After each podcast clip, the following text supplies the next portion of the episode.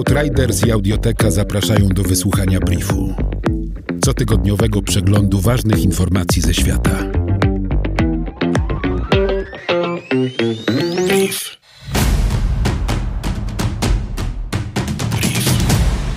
Wiosną bieżącego roku właściciele statków przetwórni zwrócili się do administracji prezydenta USA Donalda Trumpa o otwarcie morskich obszarów chronionych na Oceanie Spokojnym.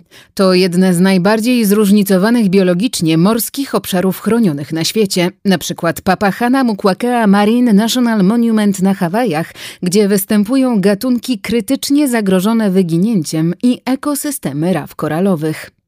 Jednak wyczerpywanie się zasobów ryb w wodach wokół Hawajów powoduje brak bezpieczeństwa żywnościowego dla rdzennych Hawajczyków i osób o niskich dochodach.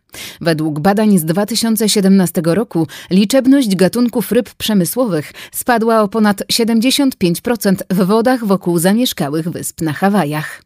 Pod koniec lipca bieżącego roku flota Ekwadoru zlokalizowała chińską flotę rybacką złożoną z 340 statków pływającą niedaleko wysp Galapagos. Mimo nacisków wywieranych na Chiny, 325 statków rybackich pozostało u wybrzeży Ekwadoru, a część z nich zerwała łączność satelitarną, utrudniając możliwość namierzenia przez marynarkę wojenną. Największa na świecie chińska flota rybacka operuje na wodach morskich różnych krajów od Zatoki Gwinejskiej w Afryce Zachodniej po Półwysep Koreański. Jej statki wyłączają transpondery, aby uniknąć wykrycia, uszczuplają zasoby rybne i zagrażają bezpieczeństwu żywnościowemu ubogich społeczności przybrzeżnych. Organizacja Narodów Zjednoczonych do spraw wyżywienia i rolnictwa szacuje, że w 2018 roku 15% zgłoszonych połowów na świecie należało do chińskich statków. Natomiast wartość wszystkich połowów nielegalnych na świecie wynosi do 23 miliardów dolarów rocznie. Według Overseas Development Institute ODI chińska flota rybacka liczy 16 966 statków. Dla porównania amerykańska flota dalekomorska to 300 statków. Liczba złowionych ośmiornic w Hiszpanii w lecie 2020 roku stanowi tylko jedną dziesiątą corocznego letniego połowu. Od 1 lipca rybacy złowili 38 ton ośmiornic w porównaniu ze średnią 378 ton w tym samym okresie. Dochody ze sprzedaży ośmiornic spadły o 84%. Wśród powodów rekordowo niskich połowów wymienia się czynniki meteorologiczne i środowiskowe.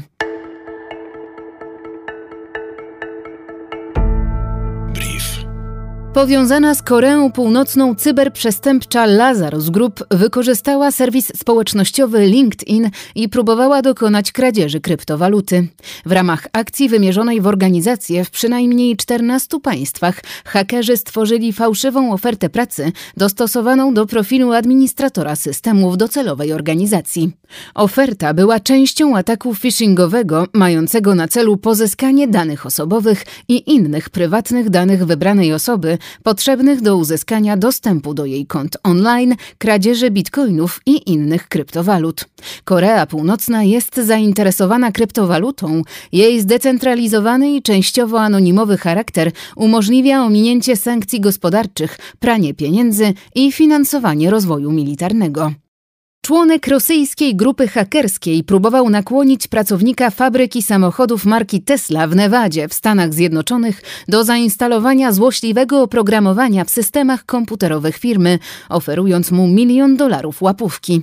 Hakerzy planowali ukraść cenne dane z wewnętrznej sieci komputerowej Tesli, a następnie umieścić je na odrębnym serwerze i zaproponować kierownictwu firmy wykupienie plików, grożąc ujawnieniem tajnych informacji.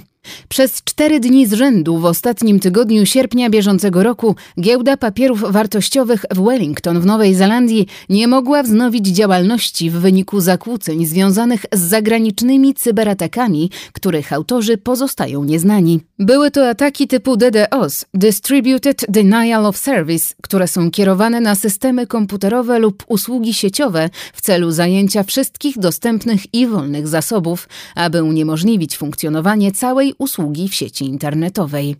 Brief Outriders. Nowe wydanie co piątek do posłuchania na lekton.audio ukośnik brief. Powtórki przez cały kolejny tydzień na Spotify i w Twojej aplikacji podcastowej.